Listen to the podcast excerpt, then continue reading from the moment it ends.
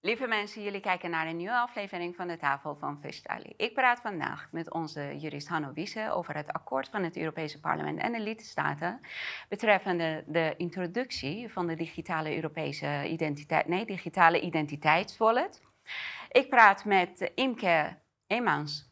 Zij is uh, fractievoorzitter van BVNL in Limburg en nummer 7 op de kieslijst van BVNL.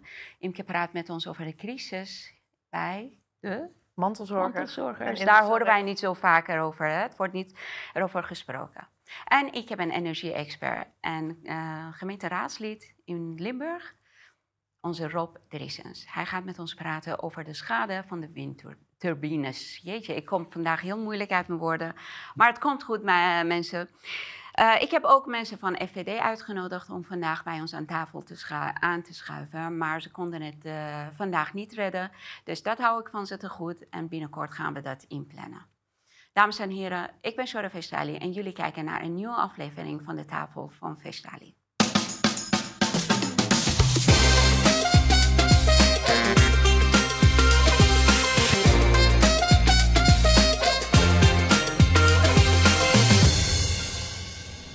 Allereerst van harte welkom, mijn gasten. Twee nieuwe gezichten aan tafel. Heel erg leuk dat jullie er zijn.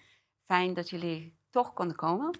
En uh, Hanno, fijn dat je weer terug bent bij ons. We gaan gelijk met jou beginnen. Uh, we kijken naar een kort filmpje, een kort fragment die jij ons gestuurd hebt. Het is in Duits met Engelse ondertiteling. Maar uh, nou, jij gaat ons vertellen waar het over gaat. En kijken naar je filmpje. Item 1, graag. Jedes Mal, wenn eine Website uns auffordert, eine neue digitale Identität zu erstellen oder uns bequem über eine große Plattform anzumelden, haben wir in Wirklichkeit keine Ahnung, was eigentlich mit unseren Daten passiert. Und aus diesem Grund wird die Kommission demnächst eine sichere europäische digitale Identität vorschlagen. Eine, der wir vertrauen und die Bürgerinnen und Bürger überall in Europa nutzen können, um alles zu tun, vom Steuerzahlen bis zum Fahrradmieten. Eine Technologie, bei der wir selbst kontrollieren können, welche Daten ausgetauscht und wie sie verwendet werden. Heeft het nog zin om verzet te tonen? Dit gaan ze toch doen. Dit is inderdaad een, uh, een maatregel die nu is genomen. Dus een, een, een overeenkomst die is gesloten, hè, zoals jij het ook netjes zei. En uh, Dat betekent dat op dit moment uh, uh, aan de, het aan het nationale parlement is om een nationale wetgeving hiermee met dit akkoord in overeenstemming te brengen. En uh, dit gaat uiteraard om een, om een, een, digital identity wallet. En dat gaat heel verstrekkend worden. Dus de gedachte is dat al je data daar min of meer op komen te staan. En deze digital identity wallet die gaat ook gebruikt worden via de Digital Service Act voor alle grote digitale platforms om access, toegang daartoe te krijgen. Dat wordt een verplichting. Facebook, uh, Twitter denk ik ook. En, uh, maar niet alleen dat, niet alleen de media, uh, de grote mediaplatforms. Het gaat ook de toegang in de toekomst betekenen voor het gezondheidssysteem. Dus dat is het, het opmerkelijke hieraan is dat ja, dit allerlei vragen natuurlijk opwerpt. Van het is een hele radicale stap die hier wordt gezet. Maar ja, we horen er eigenlijk nauwelijks wat over in de media. Hè? Dus je hebt hier naar moeten graven om dit te, dit, uh, dit, uh, dit te achterhalen. Dat dit uh, afgelopen week, niet afgelopen week, vorige week woensdag als overeenkomst erdoor is, er doorheen is gekomen. Dat is dat de periode dat iedereen zich druk maakte over Palestina en Israël? Juist, inderdaad. Dat is logisch. Hè? Want kijk, wat we op televisie... We zien voortdurend natuurlijk op dit moment televisiebeelden van burgers en medici, en vluchtenden, eh, die allemaal worden gebombardeerd. Hè. En de genocides die plaatsvinden. Ja, dat, dat ze slokt het uiteraard de aandacht op. En ook misschien ook wel een beetje terecht zo. Mm -hmm. hè, want er zijn nu in een maand tijd zijn er meer burgers gebombardeerd in het kleine stukje Gaza dan over de, hele, uh, over de hele Russische oorlog. De hele oorlog in de Oekraïne. Dat zegt echt wat. Er is echt wat aan de hand in Gaza. En dat betekent dat er dus... De conclusie daaruit is dat er ook direct, dat er ook direct op burgers wordt gemikt. En dat volgt ook uit een Israëlische militaire doctrine. Dat heet de Dahir-doctrine. Dat betekent dat de Israëlische militaire macht uh, tot doel heeft om buitenproportioneel op te treden. Uh, die Heer-doctrine is ontwikkeld, zeg maar, in Libanon. En dan heb je Beirut. En Beirut is de hoofdstad van Libanon. De zuidelijke wijken zijn Sjiitische wijken. En die werden, zeg maar, in de oorlog met Hezbollah werden die allemaal weggevaagd. Ja. En de bedoeling was om niet direct militaire doelen te treffen, maar burgers te treffen. En- Dus de, eigenlijk om de, de, de, de vijand te treffen waar de vijand het zwakst is. Dus een doelbewuste overtreding van het oorlogsrecht. En eh, dat, dat is daar aan de hand. Ja. Dus eh, dit slokt natuurlijk de aandacht op. En eh, ja, mensen begrijpen niet dat het kan, hè, dat we oorlogsrecht hebben, maar dat het zo, zo op televisie zo duidelijk zeg maar, geschonden kan worden. En dat Israël daarmee wegkomt. Dat heeft natuurlijk te maken met hoe Israël, zeg maar, eh, ja, hoe Israël altijd zeg maar, natuurlijk dicht tegen de Verenigde Staten aanzit, die Israël met alles had wegkomen. En de Verenigde Staten is het machtigste land ter wereld nog steeds. Maar goed, dus dit slokt de aandacht op. Mhm. Tegelijkertijd is er een interessante parallel, wist je dat? Want ehm, eh, eh, die Palestijnen, die laten ons iets zien. Wat ook belangrijk is voor digitale identiteit. Want eh, in de Westbank en in Gaza, maar vooral in de Westbank, zien we een laboratorium van ontrechting en van onteigening. En er worden allerlei trucs toegepast om Palestijnen zeg maar, te onteigenen en te ontrechten. En als we kijken zeg maar, naar die digitale identiteit, is dat ook het grote gevaar wat bij ons gaat dreigen. Dus ik zou bijna willen zeggen dat er bij ons een gevaar van Palestinisering dreigt van Europese burgers. Waarom? Omdat in de Westbank heb je bijvoorbeeld het militaire systeem, het heet Red Wolf. En daar is voor gewaarschuwd door, eh, de mensen, door ehm, eh, Amnesty International in het voorjaar. En Red Wolf is een biometrisch systeem van gezichtsherkenning. En Red Wolf hangt samen met Bluepack. En dat is een gigantisch bestand van allemaal Palestijnen. En dan wordt alles bijgehouden. Alles van die Palestijnen. Dus hoe vaak ze, met, hoe vaak ze zijn opgepakt, hoe vaak ze, maar ook wat hun familieleden zijn, welk beroep ze hebben. Alles wat relevant is. Dus is, komen ze bij een checkpoint aan. Dat is een Israëlisch militair checkpoint. Dan moeten ze langzaam ergens te komen. Vaak om naar huis te gaan bijvoorbeeld alleen al. Dan wordt hun gezicht gescand. En dan komt zo dat hele rijtje in de computer. En er wordt gekeken, laten we die doorgaan of laten we die niet doorgaan. En vaak, als er iets niet klopt, mogen ze niet door het checkpoint heen. En moeten ze zelf maar weten hoe ze thuiskomen. Dit is, zeg maar, het grote gevaar. Wat ook voor de Europese burger drijft als dit helemaal uit de hand loopt. Want wat zijn voor ons de concrete gevaren die nu dreigen? Dat is ten eerste. De Digital Services Act maakt ons duidelijk dat er sprake is van censuur. We hebben nauwelijks meer vrij- vrijheid van meningsuiting. Klopt. Dus als wij zeg maar, niet meegaan met het dominante narratief, maar we gaan politieke opvattingen verkopen, politieke eh, opvattingen uitdragen die daarmee in strijd zijn, dan krijgen we op sociale media in toenemende mate te maken met censuur. En wellicht ook om, is het mogelijk in de toekomst om dat te gaan koppelen aan eh, allerlei consequenties. Zoals we nu al zien dat bijvoorbeeld bankrekeningen worden gesanctioneerd. We weten van Nigel Farage in het verleden, hè, dat is een bekende Britse politicus die ook in het Europees Parlement heeft gezeten, dat hij plotsklaps zijn bankrekening kwijt was. Om, vanwege zijn politieke opvattingen eigenlijk. En dat zien we niet alleen daar, maar dat, zien we veel vaker. In de meeste gevallen weten we er eigenlijk nauwelijks wat van. Want ook heel veel mensen worden eh, gecensureerd op die manier, die niet op die manier in de media komen. Kijk, die had, dat is een bekende publieke figuur, dus die heeft toegang tot media. Die heeft ook zelf zijn eigen mediakanalen. Dus je kan het goed naar voren brengen dat hem dat is overkomen. Dus met andere woorden, het is niet alleen een kwestie van censuur van op social media mag je je berichtje niet plaatsen of dreig je account kwijt te raken. Hè, maar het is ook op een gegeven moment mogelijk om je bankrekening kwijt te raken. En dan wordt het echt wel serieus. Dan kan je letterlijk niks. Dan wordt het serieus. Klopt. Dus er dreigen echt gevaren op dit vlak. En daarnaast natuurlijk ook als het gaat om gezondheid. Digitale identiteit, de digitale infrastructuur die nu wordt uitgerold. Dus met andere woorden, alle data bij elkaar. Hè. Het is weliswaar, het wordt verkocht dat het veilig is. Hè. Wordt, dat hoor je mevrouw ook zeggen. Hè, met het Duitse accent, wat ook de juiste associaties denk ik bij ons oproept. Eh, dat, ehm, eh, dat het nu zo moet zijn dat er een maatregel genomen wordt zodat al die datasharing beveiligd wordt. Dus het wordt verkocht als beveiliging. En natuurlijk is het zo dat zij dan zegt, als wij ons bijvoorbeeld bij een digitaal platform aanmelden, dan is het alleen mogelijk om de noodzakelijke data te delen met het digitale platform. Dat is de inherente beveiliging die is ingebouwd. Maar het kan natuurlijk ook best zo zijn dat zij het voortaan nodig vinden, dus noodzakelijk vinden in de toekomst, om ook jouw politieke opvattingen erbij te plaatsen. Dat kan heel goed in het huidige klimaat. Dus dan is dat excuus wat zij hebben van, oh, je hoeft alleen maar de data te delen met het platform waar je naartoe gaat, eh, waar je toegang toe wilt, die nodig zijn voor dat platform en voor de rest weten ze niks van je. Dat is eigenlijk een nauwelijks beveiliging. En dan moeten we de politici ook maar op een woord vertrouwen, zeg maar, dat ze dat goed gaan inrichten. En, En dat wat we eigenlijk doen- genoeg? Wat we eigenlijk doen, we geven hiermee eh, de politieke gigant, of de politiek, laten we zeggen, eh, de macht, een gigantische leverage over onze levens. En inderdaad, dan kom ik zeg maar uit bij, bij jouw vraag, kun je hier nog verzet tegen plegen? Nou, het is gewoon goed om hier verzet tegen te plegen. Hè? Eh, hoe we dat precies moeten doen, uh, daar moeten mensen zelf over nadenken. Je kunt je... maar het is goed om hier niet zomaar mee te gaan. Omdat we zeg maar, hier echt in een fuik aan het lopen zijn. Waarbij we eigenlijk heel veel gaan neerleggen bij de macht om dat goed te gaan beheren. En als dat misloopt, dan wordt het heel moeilijk om dat nog bij te sturen. En dit is een groot probleem. Heeft dit aandacht gekregen in de mainstream media? Is dat gewoon aangekondigd? Zijn... Nee. Digitale identiteit wordt gezien als iets normaals, als iets wat uh, voortkomt uit de technologische ontwikkeling, als een prachtige vinding, wat alleen maar positief uh, kan uitwerken. Dus zo wordt het verkocht. Dus er wordt echt verkocht in de trant van, zoals, zoals uh, mevrouw Ursula von der Leyen, noem ik haar altijd, von der Leyen, von der Leyen, de voorzitter van de Europese Commissie, het ook aan ons zegt van, joh, al die datasharing, jouw data blijven overal hangen, dat is heel gevaarlijk, want dan gaan mensen met jouw data aan de haal.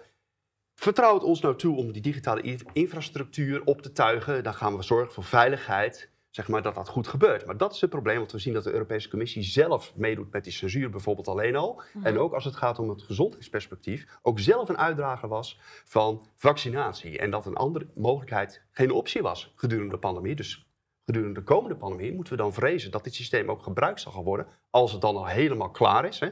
Want we zitten nu nog in de fase dat de nationale parlementen hun eigen wetgeving ermee in overeenstemming moeten brengen. Maar dan moeten we vrezen dat het systeem gebruikt zal worden om te controleren ja, wat de gezondheidsstatus van mensen zal zijn. En dan kunnen daar consequenties aan worden gehangen. Dus ook in Europa zijn er heel reële gevaren. Ja. Hoe kijk jij hier naar, Imke? Ja, ik, ik schrik hiervan als ik dan hoor dat ook juist de gezondheidsstatus van mensen. En we hebben natuurlijk in de coronaperiode gezien dat je je moet bewijzen of je iets hebt of niet hebt. Nee, je moest bewijzen dat je het niet hebt. Ja, precies. Ja, je moest bewijzen dat je het niet hebt. Maar ook dan ga je je gezondheidsstatus uh, bij iemand neerleggen. Die, en, en als we dit op deze manier doorvoeren, dan uh, maak ik mij daar heel veel zorgen over. Ja, ik denk dat er naar twee kanten gestuurd moet worden. Kijk, eh, sowieso is het goed om hier, als het enigszins mogelijk is, niet aan mee te doen. Als hier een grote groep mensen niet aan meedoet, ja, dan zal het uiteindelijk niet werken. Maar goed, aan de andere kant, je hoort het mij al zeggen, al die grote digitale platforms die gaan straks vragen om uh, dat te gaan gebruiken voor toegang. Dus dat gaat ervoor zorgen dat er een groot kuddegedrag op gang komt. En dan wordt het heel moeilijk om op die, met die strategie te winnen. En daarnaast natuurlijk ook hopelijk, maar dat is een zwakkere strategie, de politiek bewerken, om de politiek ervan bewust te maken dat hier ook grote gevaren verborgen zijn, zodat ze maatregelen treffen. Al verwacht ik daarvan dat laatste niet al te veel. Maar uh, denk jij dat de komende verkiezingen hier aan een bijdrage kan leveren? Om het tegen te houden of versnellen? Ik denk dat het heel lastig wordt. Uh, het is nu wel zo dat nu die nationale wetge dat nationale wetgevingstraject, dat wordt nu ingeslagen. En daar kan geprobeerd worden tegendruk te bieden. Maar goed, ja, een Europese verordening, die ligt er al bijna feitelijk. Dus om dan nog daarvan terug te krabbelen, dat wordt ook moeilijk. Dus, en als een uh, land kiest om uit de EU te gaan? Ja, dan ben je er vanaf. Ben je er vanaf? Ja. Kijk, het wordt nu als een voorstel ingediend. Dat moet je wel helemaal goed regelen, want de brexit is eigenlijk... Eh, de brexit is eigenlijk uh, niet goed geregeld. Hè? Dus dat, dat betekent, daar zijn allemaal problemen opgetreden... doordat uh, Engeland zich niet op een professionele manier heeft losgemaakt van de EU. Kijk, het is, het is vraag 1 of je voor of tegen de EU bent en of je een in ons geval een exit wil. Maar vraag 2 is hoe je het regelt. Ja. Als jij zeg maar een meerderheid hebt die voor een exit zijn, dan moet je het daar nou wel goed regelen. Want anders zal de bevolking straks terugverlangen naar de EU. En dan kan er een handige politicus opstaan, omdat die overgang, die heel moeilijk is, voor al die verdragen die heronderhandeld moeten worden, heel moeilijk is, dan gaat die politicus daar alsnog munt uitslaan om je terug in de EU te krijgen. Ja, dat is een gevaar voor Engeland. Waar moet dan heel veel aandacht aan besteed worden? Uh, dit nou goed, uh, als het gaat. Dit was even een ander onderwerp natuurlijk. Maar voor de Europese digitale identiteit is het nu heel duidelijk zeg mhm. maar, dat er een aantal concrete gevaren dreigen. Waarbij het de vraag is of er voldoende maatregelen zijn om, uh, om die gevaren af te wenden. Hè? En dat, zijn, dat, dat is ten eerste die censuur. Hè? Die gevolgen voor die censuur. Gaat dat, gaat dat zulke gevolgen hebben dat je straks je bankrekening kwijtraakt? En gaat het systeem gaat dat bespoedigen? En ten tweede, met betrekking tot gezondheid, gaan ze straks inderdaad controleren van wat je gezondheidsstatus is en gaat dat concrete consequenties hebben. Bijvoorbeeld naar je werkgever, bijvoorbeeld uh, uh, ook met betrekking tot de toegang hebben tot, zoals in het verleden was, met de horeca. Wat mij opvalt is dat iedere beperkende maatregel of wetgeving wordt in het begin als een soort voorstel neergelegd bij mensen. En het is dat, nou, je kan als je dat handig vindt, um, hier gebruik van maken. Ja. En gaande tijd wordt het steeds zo groot en zo machtig dat je op een gegeven moment geen andere keuze meer hebt. Heel belangrijk is denk ik nu in de politiek om te proberen te vrijwaren dat mensen een keuze blijven houden. Dat is al heel wat. Om daarvoor te vechten, al wordt dat lastig, daarvoor te vechten dat mensen een keuze blijven houden om in mee te gaan. En dat er alternatieven zijn voor mensen die er niet in mee willen gaan. Dus bijvoorbeeld niet deze digitale identiteit als de enige poort zien tot vitale diensten. Bijvoorbeeld alleen al. Ja. Dat er omheen, dat er mogelijkheden zijn om daaromheen te werken. Dat, wordt al, dat is een heel belangrijk speerpunt, lijkt mij. Hoe kijk jij hier naar? Ja, ik, ik, eh, ik denk dat er twee hele grote problemen zijn. Eén is eh, de informatie die ik verzamel, die komt van platforms af die misschien verboden kunnen worden. Podcasts die je die, eh, nu luistert, die misschien verboden kunnen worden. Maar ik denk dat het grootste probleem is, is dat wij dit probleem zien. Alleen ik denk nog steeds 80, 90 procent van de bevolking denkt van, ja, de overheid die beschermt ons toch. Ja. En, eh, Dit- dat shift zie ik ook niet bij mensen. Als Nee. je kijkt naar de peilingen die worden in de mainstream gedeeld met mensen. VVD zoveel zetels, NSC zoveel zetels. Dan denk ik, ik eh, Maar daarom kan het interessant zijn om dit speerpunt te blijven houden. Mik op die keuzevrijheid, dat die zeg maar gewaarborgd wordt. Dat mensen aan de maatschappij kunnen blijven deelnemen buiten om de digitale identiteit. Dat zou, dit denk ik, een vrij haal, nou, haalbaar, maar in ieder geval een, een, eh, een standpunt zijn en een, en een, punt van focus zijn. Wat op dit moment echt de moeite waard is als eh, Nederlandse politiek om je daarop te focussen.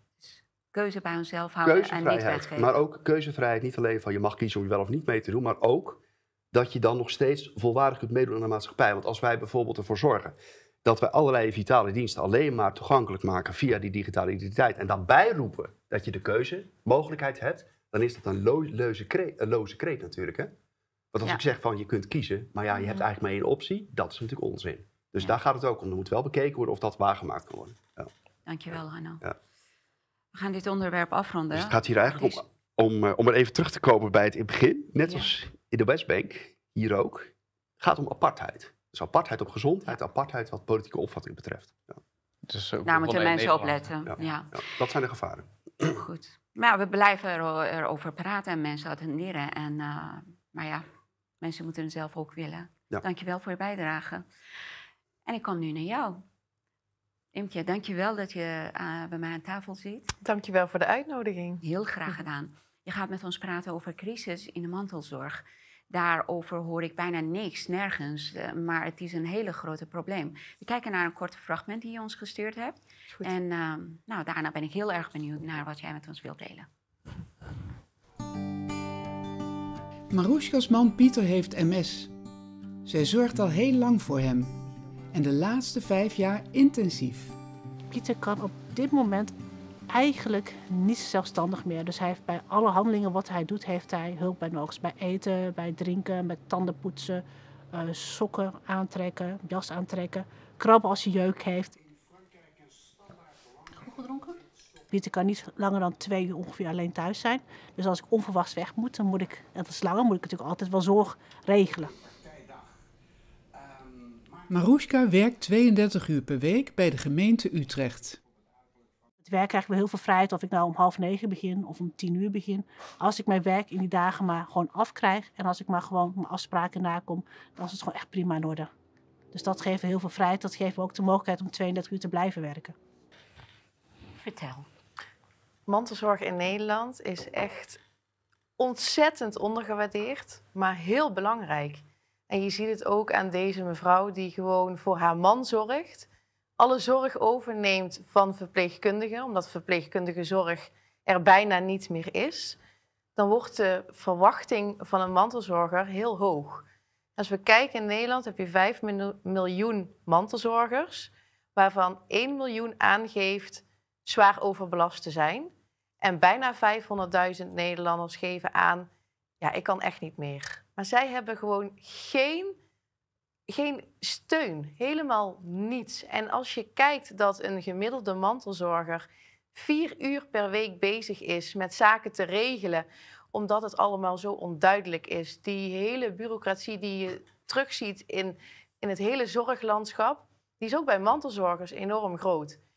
En dat maakt het zo immens zwaar. En wat krijg je dan? Dat ook nog de, de regering zegt van ja, maar mantelzorgers, moeten we die ondersteuning nog wel geven aan gemeentes? Want gemeentes zijn dan de partijen die het dan officieel moeten uitvoeren. Daar mogen ze een eigen beleid op maken. Maar wat houdt zo'n ondersteuning in?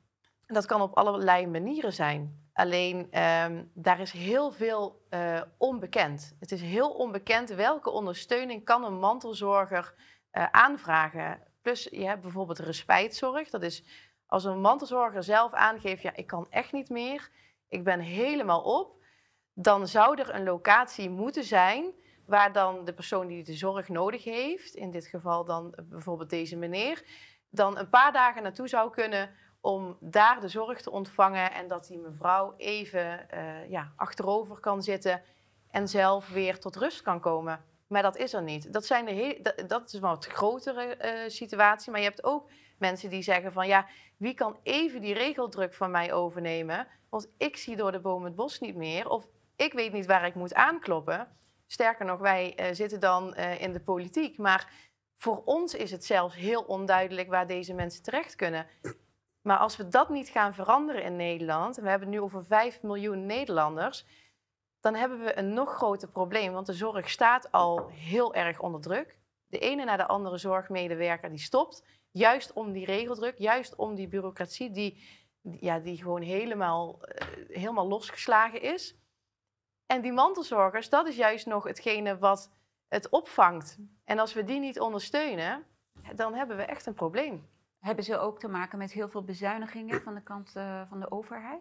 Ja, de, de, bezuinigingen in de zorg die zijn gewoon echt het is schandalig. Dat is echt niet, niet goed.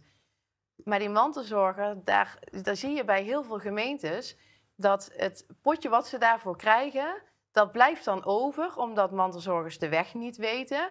En dan gaan ze het in een ander potje plaatsen, waardoor ja, de mantelzorgers de steun niet hebben gehad, nog steeds overbelast zijn en het eigenlijk bijvoorbeeld in uh, de duurzaamheidspot uh, belandt of in uh, economie.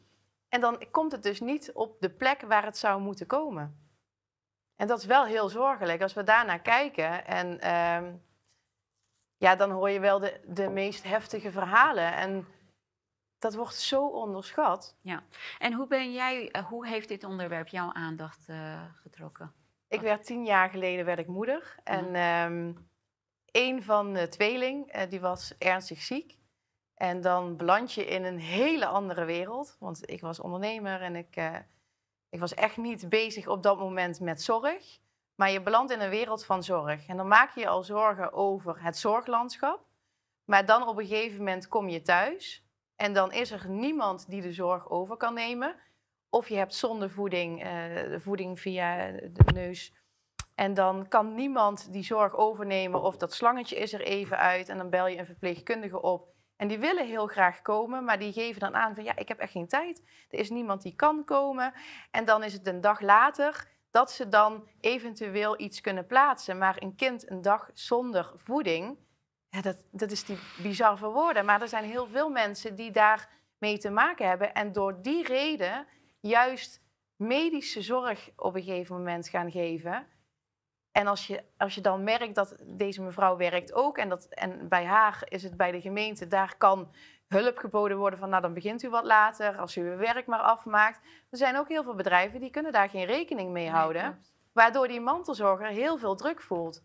Als je vier uur per week ook dan nog moet zorgen dat het regelwerk um, ja, rond is, ja, dat is, dat is te bizar. De kwaliteit van zorg in Nederland loopt sowieso heel snel achteruit. Ik heb gisteren een van onze vrijwilligers gesproken. Zijn moeder is 83 jaar oud. En uh, zij heeft uh, afgelopen vrijdag, nee niet afgelopen, de vrijdag ervoor, heeft hij een nieuwe heup gekregen. En maandag was hij naar, was hij naar huis gestuurd. Dus haar zoon moet haar opvangen en van haar zorgen. Uh, maar dat gaat heel erg moeilijk met zijn eigen werk en ook vrijwilligerswerk die hij doet. En uh, ik, ik vind het echt zorgwekkend. Maar wat kan hieraan gedaan worden? Is het, kijk, we horen, we horen alleen maar slecht nieuws, slecht nieuws. Maar is er nog hoop? Is er nog nou ja, een oplossing? De, de, de hoop bij mij is dat zorg op één komt. Dat is het allerbelangrijkste punt, mijn inziens, wat we in de politiek op één moeten gaan zetten. En niet alleen natuurlijk de mantelzorgers, maar het hele zorgstelsel, daar klopt iets niet. Als we kijken in Duitsland op, op het moment van de coronamaatregelen, dat we daar heel veel IC-bedden hadden en dat België er goed bij zat, maar dat Nederland alles wegbezuinigd had en dat verpleegkundigen ja, niet meer konden, zich allemaal ziek gingen melden, nu nog steeds thuis zitten of juist een hele andere baan zijn gaan zoeken omdat daar niets meer te halen viel, omdat ze alleen maar bezig zijn met schrijven. Dan zijn er mensen die drukken op de rode knop in een ziekenhuis, want ik heb nu hulp nodig. En dan komt de verpleegkundige drie kwartier later, als je geluk hebt, omdat ze gewoon bezig zijn met alles schrijven en niet meer met het zorgen waar ze voor juist zijn gaan zorgen. Dus er moet geld uh, in geïnvesteerd worden. Mensen die in de zorg hard werken, die hebben daar gewoon absoluut recht op dat ze daar meer betaald krijgen. Moeten blij zijn dat we deze mensen hebben, dus waarderen. En datzelfde is ook bij de mantelzorgers. Als wij niet een bekendheid geven aan waar deze mantelzorgers terecht kunnen als ze echt steun nodig hebben, dan, raken deze mensen zo overbelast dat het ook niet meer te vinden is in het zorglandschap. En dan zie je dus nu bij de politie dat die alleen maar bezig zijn met mensen die ja, op dat moment psychische zorg nodig hebben en al heel lang op een wachtlijst staan, maar daar ook geen zorg krijgen omdat die er niet is. Dus de politie is continu aan het de-escaleren. Nou, we hebben te weinig politie in Nederland. En zo ga je het zien in alle lagen van, van de maatschappij dat dit gewoon zorgelijk is. Ja, je zegt uh, dat de politiek moet uh, zorg op nummer 1 zetten. Maar er zijn heel veel mensen die gelijk gaan zeggen: nee, maar politiek is niet de oplossing. Politiek heeft de afgelopen jaren zoveel, zo vaak mensen teleurgesteld. Wat kan jij daarop zeggen? En die teleurstelling die begrijp ik, want zelfs ik ben teleurgesteld in de politiek. En dat zegt wel wat als dat je nu op een lijst staat op nummer 7 en ook nog fractievoorzitter bent. Ik ben de politiek juist ingevraagd om het geluid van, van mij en de kennis naar voren te brengen. En ik weet zeker als wij aan Nederland laten zien dat we er echt zijn voor de Nederlanders en juist ook vrijheid. Ik, ik vind het een één uh, zorg en één vrijheid dat is zo belangrijk als wij het vertrouwen teruggeven aan de mensen, maar ook laten zien dat we er iets toe doen. Nu hebben we bijvoorbeeld Mantelzorg Nederland heeft uh, Stop de Regelkolder uh, petitie gestart voor mantelzorgers. Ja, die is net online en die wordt al 10.000 keer ondertekend. Dat geeft al aan dat als je iets net plaatst en nu al 10.000 handtekeningen hebt, dat daar een heel groot uh, probleem zit. Iedere partij heeft in zijn uh, partijprogramma gewoon allemaal mooie beloftes. Ook zij praten heel mooi over zorg en wat ze, hoe zorg moet zijn. Hoe kunnen mensen weten welke partij bedoelt het echt en welke niet? Het is heel mooi dat je dit zegt, want er is bijna geen één partij die mantelzorg in het partijprogramma heeft geplaatst. Niet één, BVNL wel, maar eh, het bizarre is, dan heb je de partij Mantelzorg Nederland, dus die de gemeentes adviseert, die, die de Tweede Kamerleden spreekt. En die hebben dan een heel plan opgemaakt hoe zij het zien en dat er een mantelzorgvisie gemaakt moet worden. En dat is gewoon niet opgepakt. Mensen beseffen niet dat we nu allemaal, er wordt verwacht dat we meer voor elkaar zorgen, dat we er meer voor elkaar zijn. Maar het wordt niet het, eh, als het dan zover is, wordt het niet gefaciliteerd. En dan krijg je dus die regeldruk, waardoor mensen zwaar overbelast raken, geïrriteerd, gefrustreerd. En dan heb je al die partijen die juist zorg geven, die dus nu samengevoegd zijn en een petitie gestart zijn. Nou, dat geeft wel iets aan. Als zij zich niet gehoord voelen, en dat is eigenlijk structureel uh, iets wat er in de Tweede Kamer gebeurt. Mensen in het werkveld hebben de expertise en de ervaring en de kennis. En die worden niet gehoord. En dan zijn het de mensen die er geen kennis in hebben, die dan gaan beslissen. En dat is prima, tenzij ze niet luisteren naar wat er in het werkveld gezegd wordt.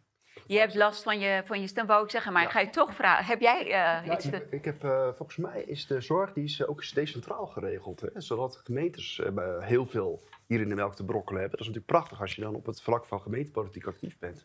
Om te kijken of je dan in jouw jouw gebied gewoon daar iets heel moois kan neerzetten, lijkt me. Dat was inderdaad de bedoeling. Alleen nu zie je dat het Rijk steeds meer oplegt richting gemeentes wat ze moeten doen. Nu, ja. Ze komen ondanks... er een beetje van terug, hoor ik je zeggen. Ze komen er letterlijk van terug. Het is ook gewoon een puinzooi, als je het zo mag noemen. En doordat ze ervan terugkomen, zijn er nu uh, continu dingen vanuit het Rijk worden gestuurd. En is er helemaal geen zeggenschap. Dus het is niet meer dat we vanuit onderop eh, eh, politiek bedrijven. Nee, het wordt vanuit boven gestuurd. En daar gaat het helemaal mis. Mijn inziens is het juist de, de inwoner van Nederland die het zeggenschap zou moeten hebben over waar we het over hebben. En niet vanuit bovenop dat het bepaald wordt.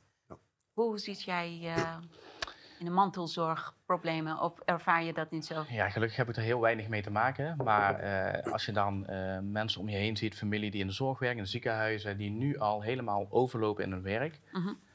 Ja, en terwijl dit eigenlijk preventief zou moeten werken, want als we de mantelzorg niet op orde hebben, ja, corrigeer me als, als ik dat verkeerd zeg, maar als we de mantelzorg niet op orde hebben, dan krijgen we nog meer druk richting die ziekenhuizen en richting de huisarts. En, en volgens mij gaat dat een, een stroomvloed aan, eh, aan problemen opleveren die we, die we nu al niet onder controle hebben. En dan hebben we een minister eh, die dan politiek gezien eh, ja, eh, nul ervaring heeft, hè? Eh, in ieder geval eh, in, de, in de periode hiervoor.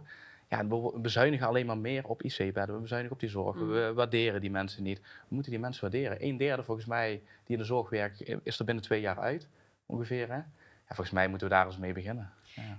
Kijk, jij zit op de kieslijst van BVNL. Jij bent nummer 7, ik nummer 8. Maar ehm, mooie praatjes maken alle politicus. Mhm.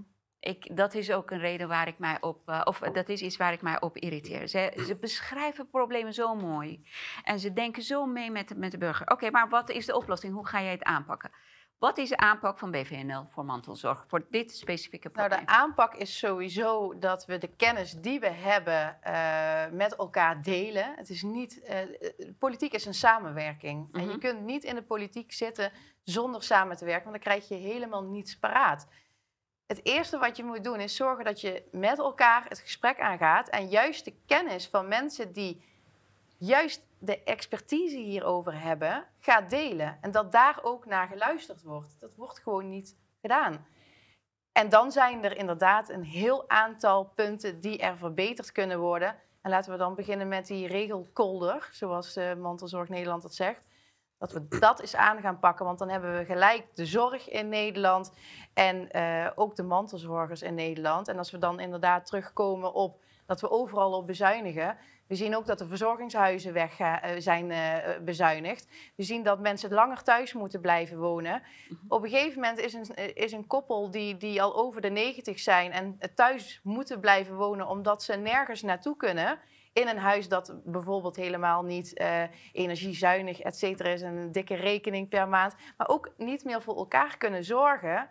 En overbelast zijn. En de kinderen het ook eigenlijk niet meer kunnen. We, we- maken doordat we het zo zwaar maken, het voor de mens het niet makkelijker op. En dan krijg je ook geen vertrouwen. Het vertrouwen krijg je terug als je laat zien dat je iets verandert. Ja, nee, dat snap ik. Maar ik mis nog steeds echt concrete afspraken die, die eh, ehm, gemaakt zijn om ja. dit probleem te verhelpen. Het, het allerbelangrijkste is dus die bureaucratie. Stop is met al die Ja. formulieren in te moeten vullen en overal naartoe te bellen. Als je bijvoorbeeld als mantelzorger, maar ook als verpleegkundige, hè, als je thuis verpleegkundige zorg geeft en je hebt materiaal nodig, dan ben je al een paar uur aan het bellen. Eer dat je iemand aan de lijn hebt die Ja. weet wat jij moet doen. Ja. En die weet waar jij je materialen kunt halen. Als je dan kijkt naar de, de, de zorg die verpleegkundigen geven, dan wordt heel veel niet meer vergoed. Eh, laatst heb ik daar nog eh, een gesprek over gehad, bijvoorbeeld in het palliatieve gebied. Dan worden eh, materialen, maar ook medicijnen niet meer vergoed. En dat we dat laten gebeuren, dat is gewoon te gek voor woorden. Maar dan hebben we ook bijvoorbeeld, Rob Elens vertelde dat nog, een huisarts, staat ook bij BVNL op de lijst. Hij gaf aan, op een gegeven moment had ik incontinentiemateriaal nodig. Maar dan moet ik dan een handtekening onderzetten. En moet ik aangeven waarom deze persoon dit nodig heeft. Nou, als een huisarts aangeeft dat het nodig is, dan is het raar dat dat een heel verhaal over moet. En dat kost gewoon tijd. En hij zegt dat dan ben ik een paar uur bezig met allemaal die formulieren in te vullen. Uiteindelijk heeft hij erop gezet van, nou, diegene moet dat hebben, want die moet een luier op zijn hoofd zetten. Want dan heeft hij niet meer zoveel last van het geluid. En wat denk je? Handtekening erop en het is akkoord gegeven. Dus het wordt niet eens gelezen. my god. Maar mensen zijn er wel mee bezig om die formulieren in te vullen. ja, ja. Ja, waar zijn we dan mee bezig? En dit kost tijd. Juist die zorg, mensen aan het bed willen ondersteunen, liefde willen geven. Dat kun je niet als je alleen maar aan het schrijven bent. Dat wordt niet vergoed, of niet makkelijk in ieder Onder geval. andere niet. En alle behandelingen die onze kinderen castreren voor goed, dat wordt zonder enkele vraag vergoed. En dat vind ik heel zorgwekkend. Dankjewel voor je bijdrage. Graag gedaan. En ehm, ik wil je graag vaker bij mij aan tafel hebben om hierover te praten. Want ik vind dat wij onze zorg heel goed moeten koesteren en aandacht aan besteden. Ik wil heel graag nog zeggen, als mensen de petitie willen tekenen, Mhm. mantelzorg.nl staat een directe link in. En dan eh, hoop ik dat eh, juist dat geluid iedereen doet inzien dat het heel belangrijk is dat we goed voor elkaar kunnen zijn. Merci. Rob Driesens, je bent een energie-expert en je gaat met ons praten. Je bent ook eh, gemeenteraadslid voor Ja. BVNL. Klopt. gaat met ons praten over de schade van windturbines. Ik, ik heb een hekel aan die dingen en ik kan ze ook ja, niet eens goed uitspreken. Alleen vanwege de uitspraak zouden ze al weg moeten. Ja, zeker. Allochtonen kunnen het niet goed uitspreken. Weg ermee. we kijken naar jouw eh, fragment en dan komen we bij jou terug. Thijs, Ja, ik ben Rutger. Hi. Hey, jij hebt problemen met windmolens, hè? Weet je wel, ja. Ja, daar zijn wij dol op bij de Hofbar. Nou, dat dacht ik al. Kom naar buiten, zou ik zeggen. En, eh, laat mij dan zien waar je last van hebt. nou, je ziet ze al een beetje, hè? Ja, je ziet ze. eh, En het is ook oorverdovende herrie, is het, hè? Ja, nou, dat eh, hangt natuurlijk een beetje van het weer af. Hè? Nu zie je dat de wind vanuit het zuiden komt ongeveer. Ja, want ik hoor nu echt helemaal niks, hè? Nee, maar als bijvoorbeeld vanuit het zuidwesten, toch de dominante windrichting, als het dan vanuit die kant waait, dan buldert het wat meer deze kant op. Nou begrijp ik ook wel dat jij dus eh, een eh, windmolenklager bent. eh, maar niet eigenlijk vanwege alleen maar de overlast. Hè? Maar het gaat je ook om de gezondheidsrisico's die het eventueel met zich meebrengt. Hè? Ja, nou, het gaat me ook wel over die overlast. Maar ik denk wel dat het belangrijk is om te benadrukken dat er ook, zeker op lange termijn, wel gezondheidsklachten kunnen, kunnen ontstaan. Ik slaap gelukkig zelf nog wel aardig, maar mijn vrouw bijvoorbeeld, die mist regelmatig uren slaap vanwege de herrie. Ehm, en eh, nou, als je slaap mist, dan, eh, als je dat eh, lang genoeg doet, dan heeft dat effect op je gezondheid. Maar er zijn natuurlijk mensen die gewoon eh, veel sneller gek worden, omdat ze nog veel meer last hebben, omdat ze heel gevoelig zijn voor de frequenties. Ja. En dat is zwaar onderbelicht en het wordt niet meegenomen in, eh, in welke afweging dan ook. Die dingen. Die dingen. ik ga ze niet eens weer uitspreken. Ja. Nee, vertel. Ja, het is, eh, ik denk dat het filmpje wel heel goed aangeeft wat een groot probleem is. Eh, het is A, bijna niet te meten. Eh, eh, als je kijkt, eh, ze, ze hanteren normen. We hebben te maken met het RIVM. Ja, nou ja, iedereen weet wat het RIVM doet. Super betrouwbare organisatie natuurlijk. Ze Absoluut, er ja. altijd van op aan. En ja, die hebben berekeningen gemaakt waarop ja, mensen zoals, zoals hier in het filmpje voorbij komen, ja, echt wel schade ondervinden. En die schade kan zich uiten door laagfrequent geluid, dus een brom, de bromtonen eigenlijk. Alleen het probleem is dat niet iedereen dat hoort. Eh, eh, van hier aan tafel zullen, misschien één of twee mensen dat geluid horen. Ongeveer 10% zeggen ze. Dus je kunt niet zeggen alle omwonenden hebben last van, van die bromtonen, maar ja, misschien één op de 10.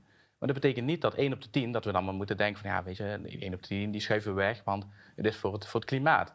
En, maar zo wordt wel gedacht, het lijkt wel of we eh, het klimaat, of we daar offers voor mogen brengen. En dat vind ik wel een hele enge gedachte. Er wordt ge- gebruik gemaakt van meetnormering. Ja, ik moet opletten dat ik niet te technisch word, want ik kan hier uren over praten. Maar je hebt met LDEN-normen. En, en dat betekent gewoon dat je bijna niet kunt meten eh, gedurende een heel jaar hoeveel uren dat zo'n windturbine echt staat te draaien. En eh, ja, er komen nieuwe normeringen aan. Eh, er, is, er zit niet één medicus, niet één cardioloog is betrokken bij dat onderzoek, bij de nieuwe normen. En terwijl wij spreken met cardiologen, spreken met huisartsen en die beamen allemaal, ja, er zijn mensen die er echt last van hebben, die slapen minder. Nou, als je minder slaap hebt, ja, dan, hoef je geen expert te zijn, maar dan, dan, eh, dan heb je denk een verhoogde kans op eh, hartklachten, eh, vaatziekten.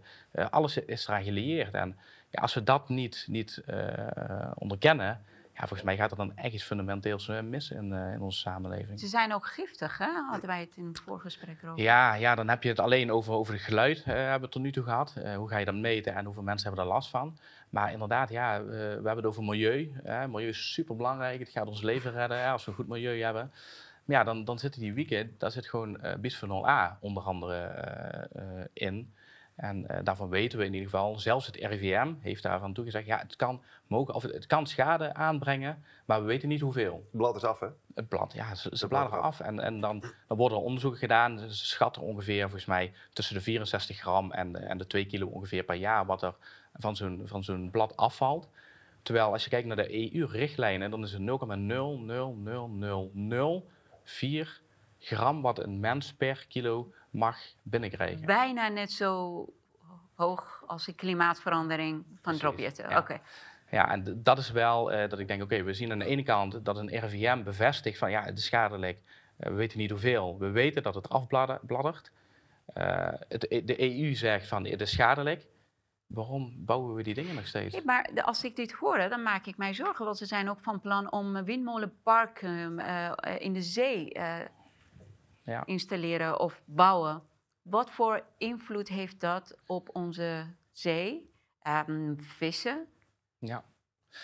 Ja, ja, als je kijkt naar uh, wat je nu ziet, is dat uh, bruinvissen, walvissen, die maken uh, ja, sonargeluid. En die, die windturbines die hebben ook ja, infrasoongeluid. Het is wel met enige zekerheid te zeggen inmiddels wel dat het invloed heeft op, ja, op de, de vissen, de walvissen met name. Maar zelfs het KNMI, als je het hebt over de betrouwbare organisaties, mhm die, uh, ja, ik benoem ze bewust, omdat het, dat, is, dat is wat mensen willen horen. Hè. Het KNMI, GGD, dat is allemaal heel betrouwbaar. En de KNMI zegt zelfs dat achter die windturbine zie je gewoon het weer veranderen. Ja, hoe, kunnen we, hoe kunnen we nou accepteren dat wij het weer gaan veranderen met, met die windturbines? En uh, ja, daar, daar, gaan we dan de klimaat mee redden. Ja, we hadden laatst iemand die, die, die had de oplossing. Die ging uh, varkens, want dan mogen, mogen we ook geen vlees meer eten dadelijk. Ja, klopt. En dan krijg je de CO2-tax. Ja, dat, dat, is helemaal in jouw straatje natuurlijk. Dan ga je varkens gaan we opstapelen, ja, want dan hebben we niet zoveel plaats nodig. Kunnen we allemaal huizen bijbouwen voor de, voor de migranten die, uh, die allemaal binnenkomen. We gaan die varkens gaan we opstapelen en daarbovenop zetten we, winter, zetten we windturbine. Dus ik kijk hem zo aan, maar dat, meen je toch niet serieus? Ja, de, de windturbine, dat is efficiënt bouwen. Ja, totaal geen idee van hoeveel beton dat je bijvoorbeeld nodig hebt om een windturbine daar neer te zetten. Ja, uh, en hoe lang gaat zo'n windturbine mee? En wat gebeurt er daarna? Ja, dat is een beetje uh, afwachten nu. Uh, de verwachting is dat ongeveer 15 jaar zo'n zo'n blad meegaat. Ehm, alleen ja, je ziet nu, vaak, vaak zijn ze gelieerde subsidies. Je ziet nu dat de eerste subsidies nu aflopen. In Zuid-Limburg hebben we een windmolenpark die, waarvan de subsidies afgelopen, die worden nu afgebroken. En dan kom je op jouw vraag, die, eh, zonder subsidies draaien, draaien, ze geen winst. Ja, dat is ook wat Mark Rutte zei, hè? Ja. windmolens draaien niet op de wind, maar wel op de subsidies. Ja, precies. Dat is wat hij zei. En dat is wel, dat is wel waanzin, denk ik, dat we, dat we in die wereld leven, dat we, uh, ja, dat we zoveel subsidie geven aan windturbines. Terwijl het A, uh, niets bijdraagt aan onze gezondheid. Onze energie wordt duurder, want je hebt de, ja, de onbalanskosten die worden doorberekend uiteindelijk aan de consument. Uh, ze dragen alleen maar bij aan meer betaling, meer belasting. En, en milieuvervuiling. En milieuvervuiling, ja. Dat, dat blad, uh, ja, je ziet in België en Amerika, je ziet die bladen onder de grond worden gestopt. Er is nog bijna geen manier van, van recyclen. Ja, dit is, is echt... en ze zijn ook niet afbreekbaar, of wel? Nee, nee, met name die, die bladen, die windturbinebladen, die, ja, die stoppen ze gewoon onder de grond, want dan hebben we ook geen, hebben we ook geen probleem meer. Ja. En dat is wel dat ik denk ik maak me daar wel ernstig zorgen om. En ik ben dan raadslid, en, uh, maar ook energie-expert. Uh, dus ik zit wel eens vaker bij ondernemers aan tafel en dan moet je voldoen aan die wetgeving. En dan, ja, dan, dan, kom je echt wel eens in de knel met jezelf dat je denkt van... Hey, hoe kunnen we nu de regels allemaal, allemaal opleggen? En tegelijkertijd moeten ze wel voldoen aan die regels. En, ah, nou, ja. je bent een jurist. Hoe kan het zijn dat met zoveel bewijzen, met zoveel beweringen... want je zegt dat artsen en cardiologen spreken zich ook hierover uit dat het helemaal niks ermee gedaan wordt. Nou, dat is eigenlijk iets wat wij in meer aspecten zien in, het maatschappij, in de maatschappij. Maar hoe is dit mogelijk? Ja, dat is niet echt een juridisch antwoord. Het heeft te maken met macht, met belangen. Dus er zijn gewoon belangen die hier heel veel profijt bij hebben en die uh, hebben veel macht. Dus die kunnen dit dan zo in stand houden. Ja, helaas. Nou, heel herkenbaar. Vaak worden die, uh, die dingen ook ja, die dingen, hè, mag ik het zo noemen. Die dingen die worden neergezet uh, met subsidiegeld. Uh, worden neergezet uh, door energiecoöperaties ja. vaak. Hè? Dan denk je, oh, energiecoöperatie, dat is dan iets, een stichting vaak. Er zit uh, geen winstoogmerk, zetten ze, dan, zetten ze dan erbij. Maar ze betalen wel, ieder jaar betalen ze 4, 5 procent aan rendement uit aan hun leden. En ja, dat zijn de financierders van die, van die dingen. Ja. ja. Dus krijgt, macht, absoluut. Ja, je krijgt een heel complex ook zo, hè? een heel industrieel windmolencomplex eigenlijk. Allemaal uh, partijen die daaraan uh, aan, aan profiteren. Van financiers tot bouwers tot exploiteurs tot uh, nou, uh, allerlei NGO's die dat allemaal uh, natuurlijk zeg maar, bij de overheden onder de aandacht brengen. Er is een heel PR-complex ook aan vast die die windmolens pusht. En het past helemaal in het dominante narratief op dit moment. Waarom ondanks horen, de probleem, ondanks de grote probleem. Waarom horen wij niet genoeg mensen die hierover praten? Je zegt nou, er is wel een 10% van, van de eromheen wonenden die hier last van heeft. Ja. We hebben zoveel windturbines, die dingen in Nederland. Waarom gaan die 10% die daar last van hebben niks Waarom horen we ze niet? Oh ja, wij horen ze heel veel. Waar? Wij hebben, eh, nou, in ieder geval in het oosten van het land, hè, dat zijn eh, de boeren. Eh, we hebben in, in de gemeente Horst aan de Maas, daar, eh, daar, is een, eh, ja, daar zaten we laatst met een bijeenkomst van duizend omwonenden die zich ernstig zorgen maakten over deze wind, eh, windturbines. Hoeveel van die duizenden omwonenden gaan nog steeds op VVD stemmen omdat ze het partijprogramma heel leuk en mooi vinden? steeds minder. En eh, we hebben, eh, wat wij dan altijd doen, we zeggen ook, mensen, spreek jullie uit, kom inspreken, ga voor die camera staan. En daar zit wel een stukje angst. Maar laatst, een jongen van 19, die woont nu twee jaar bij, in een windturbine, langs een windturbinepark, op een kilometer afstand. En die, eh, ja, die, die slaapt gewoon niet meer, die slaapt niet meer thuis. Kan zich niet meer concentreren op zijn huiswerk. Eh, je ziet hem afgeleiden van school. Je ziet hem eh, ja, in, ja, uiteindelijk wellicht, als hij er niks aan doet, in de criminaliteit, criminaliteit belanden. Maar hij slaapt niet meer, hij slaapt bij zijn oma enkele kilometers verder, omdat hij gewoon ja, zich niet meer kan concentreren. En dat zijn verhalen die mij raken. En het lijkt wel of we die offers mogen brengen ten koste van, van het klimaat. Ja. Ik vind dat bijzonder.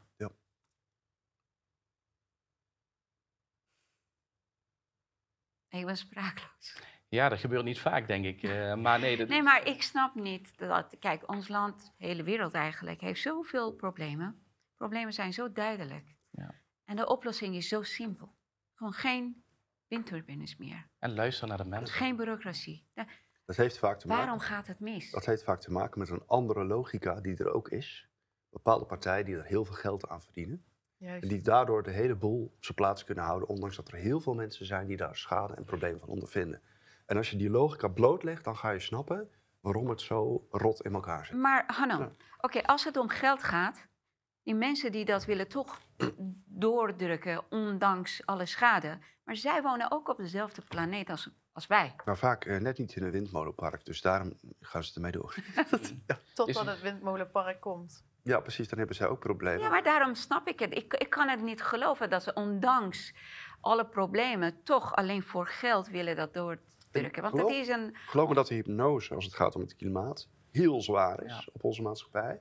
Net zoals je over vaccinaties niet kan praten, kun je ook over het klimaat niet praten op een manier dat je het ter discussie stelt. Dat zijn dogma's, die zijn kunstmatig in het, in het eh, dominante narratief geïnstalleerd. Met ook hun taboes. Dus dat betekent, daar kun je niet over praten, dat wordt je geacht als een geloof te omarmen. Dus eigenlijk, het dominante narratief is voor een heel groot deel een geloofsbeleid, zoals het ook in een kerk wordt gehanteerd. Je wordt geacht daarin te geloven, doe je dat niet, dan kun je plotsklaps niet meer meedoen met heel veel mensen. En dan word je naar buiten geduikt. Dus dan voel je dat je niet meer, zoals andere mensen, toegang hebt tot van alles en nog wat. Dan word je dus achtergesteld. Dat is hoe het werkt. Het is ook een machtsdynamiek. Ik vind het heel mooi wat je zegt, dogma. Ja. Dat maakt mensen blind. Ja. Ehm, ik denk dat wij kunnen afsluiten. We hebben geen kijkersvragen vandaag, omdat wij last minute van alles moesten veranderen. Maar eh, heb jij één zin dat jij nog met mensen wilt delen? Met, over de verkiezingen of over jouw onderwerp of wat dan ook? Nou, ik hoop dat de politiek inziet dat het heel belangrijk is, als het gaat om mijn onderwerp, om te proberen toch in ieder geval die keuzemogelijkheid voor mensen, om niet mee te doen aan die eh, digitale identiteit, om daarvoor te gaan en dat een betekenisvolle keuze te maken. Dankjewel. En jij? Ehm, ik, ik heb meerdere dingen die ik zou willen zeggen, maar sowieso met de verkiezingen, nu met het stemmen, stem in het belang van Nederland en echt voor Nederland. Dankjewel. En jij Rob? Wat wil jij doen? Ja, ik, ik denk het belangrijkste, eh, aansluitend daarop, eh, kijk naar de mensen en kijk niet naar de regeltjes en de klimaatreligie eh, zoals die wordt opgelegd, maar kijk naar de menselijke verhalen. Dat zijn we allemaal. Ja. Dank jullie wel. Heel erg bedankt voor het delen van jullie bijdrages en ervaringen. Ik waardeer het enorm. En eh, we gaan gewoon vaker met elkaar praten. Lieve mensen, binnenkort verkiezingen. Eh, stem alsjeblieft op een partij die niks met de dogma doet en niks met de massahypnose. We hebben er niet veel, eh, maar ik hoop dat Nederland wakker genoeg is om correct te gaan stemmen. En ehm, ik dank jullie voor jullie steun. Ik dank jullie voor eh, alle bijdrages die jij eh, ons geven. We doen ons best. We zijn aan het opbouwen van Café Welsmers.